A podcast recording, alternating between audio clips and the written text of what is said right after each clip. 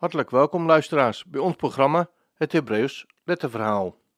Het Hebreeuws Letterverhaal, ons verhaal, is een programma dat wij maken in samenwerking met Studiehuis Geschied. In dit programma hebben we steeds een korte kennismaking met de Hebreeuwse taal. Het gaat niet om de taal op zich, niet om gegoochel met letters en getallen, maar om de taal met letterbetekenis en getalswaarde, als toegangstaal tot de Hebreeuwse Bijbel, de schriftgeworden stem van Israëls God. Vandaag aflevering 23. Op de nun volgt de samek, de scherpe cis-klank, meestal geschreven met een accent. De letter heeft de getalswaarde 60 en komt overeen met de vaf, de 6. In de vormgeving is een vaf te zien, een rond gebogen vaf, als het ware een opgerolde slang, een echte sisser. En het betekent ook slang. Het woord is afgeleid van samak, tegenwicht geven, steunen. Een tegenwicht of tegenkracht kan positief zijn. Tegendruk kan ons in goede bijna houden of vaart geven.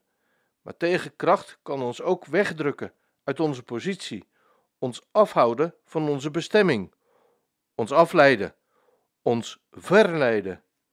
De verleider is vanouds de slang, zoals we lezen in Genesis 3, vers 1. De tegenspreker die de mens wegfluistert, wegsist uit de relatie met de ene. Ook in het beloofde land, in deze nieuwe hof van Ede, is er de slang die het bevrijde volk met schone schijnredenen tracht te verleiden tot een nieuwe slavernij, erger dan de Egyptische. De grootste verleider van het bevrijde godsvolk is dat het zijn bevrijder vergeet en de zegeningen in het beloofde land toeschrijft aan de krachten van de natuur, Baals, of aan zichzelf.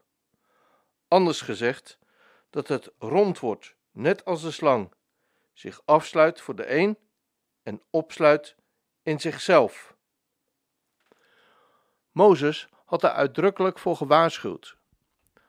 Als gij eenmaal in het land gekomen zijt, neem u er dan voor in acht dat gij de Heere uw God niet vergeet en andere goden naloopt. Zo lezen we in Deuteronomium 6, vers 12. Maar de tegenkracht spiegelt het bevrijde volk juist voor hoe heerlijk het is om nu ook echt vrij te zijn. Vrij van God en zijn gebod.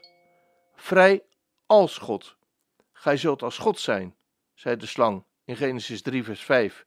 Kennende goed en kwaad. De suggestie is dat wie zich rondmaakt zich afsluit voor God. Voortaan zichzelf in alle vrijheid kan bepalen wat goed en kwaad is. Ja, zelfs goed en kwaad met elkaar kan verbinden, zoals God dat kan. Want hij kan in zijn overmachtige majesteit het kwaad hanteren, het zelfs ten beste keren. Maar wee de mens die als God wil zijn en het kwaad gebruikt voor een goed doel of goed en kwaad door elkaar haalt en goed en kwaad gaat noemen en omgekeerd. En wee de samenleving die als Faust zich verbindt met de slang, die een verbond sluit met de negatieve krachten, met godloze kennis en trotse techniek. In feite herhaalt zich dan de geschiedenis van Genesis 3, die eindigt in de verdrijving van het beloofde land, in de ellende van de Babylonische ballingschap. Deze verdrijving uit het beloofde land kan al in het land zelf beginnen. Wie God, de schepper van het land, loslaat, laat ook gemakkelijk zijn land los en laat zijn heil zoeken in een door mens zelf ontworpen Babylonische stad. Nog in Canaan kan men in Babel zijn. Nog in het land kan men wegtrekken van het land met alle ellende van dien. Het land Canaan is van ouds een stad- en koopliedencultuur, een handelscultuur. Het woord Canaaniet betekent zelfs letterlijk koopman. Als Godsvolk, levend te midden van deze koopmanscultuur, is het erg verleidelijk om de erfelijke landgoederen van het land te doen en weg te trekken naar de stad, in loondienst bij de Canaanitische koopman, die akker aan akker trekt. Immers, het stadsleven longt altijd. Het lijkt zoveel vrijer en boeiender dan het landleven met zijn ploegen, zwoegen en zweten in de lange zomerse dagen. Hoe kan het godsvolk deze verleiding weerstaan? De simpelste manier van de sisser van het lijf te houden is afweren.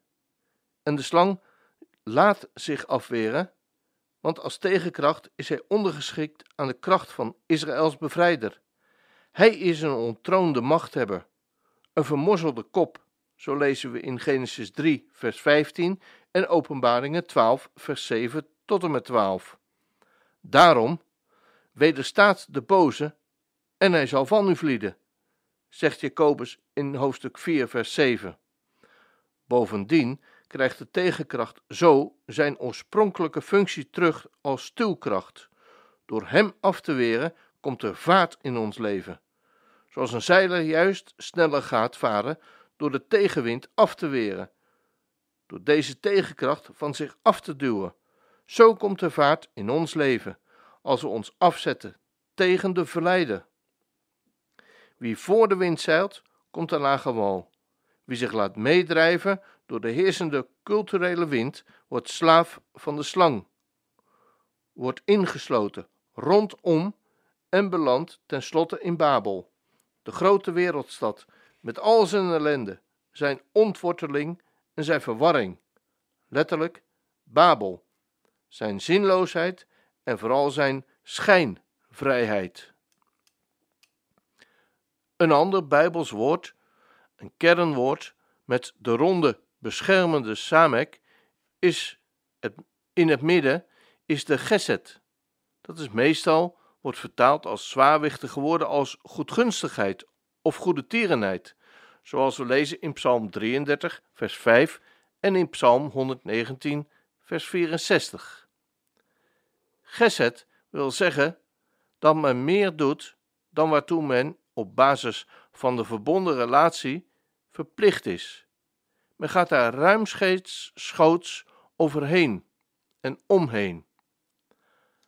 Als de beide partners in een huwelijk alleen datgene doen wat door hun door de wet is opgedragen, de huwelijkstrouw, wederzijds hulpbetoon, etc., is hun relatie een koude bedoeling. Waar liefde is voor elkaar, overschrijdt men spontaan alle minimale basisverplichtingen en geeft men zoveel meer als men maar enigszins kan. Daarom wordt geset ook wel vertaald met liefde en liefdebetoon. Zo is God goedgunstig, vol liefdebetoon voor zijn kinderen en omgekeerd zij voor hem. Deze liefdebetoners worden chassidim genoemd, vrome of gunstgenoten. Een chassida is een ooievaar, een vrome, een vriendelijke en voorname vogel, maar onrein om te eten. Tot zover aflevering 23. Mocht u meer willen weten of geïnteresseerd zijn in meer informatie over de Hebreeuwse taal, dan verwijzen wij u graag naar de website van Studiehuis Geschied.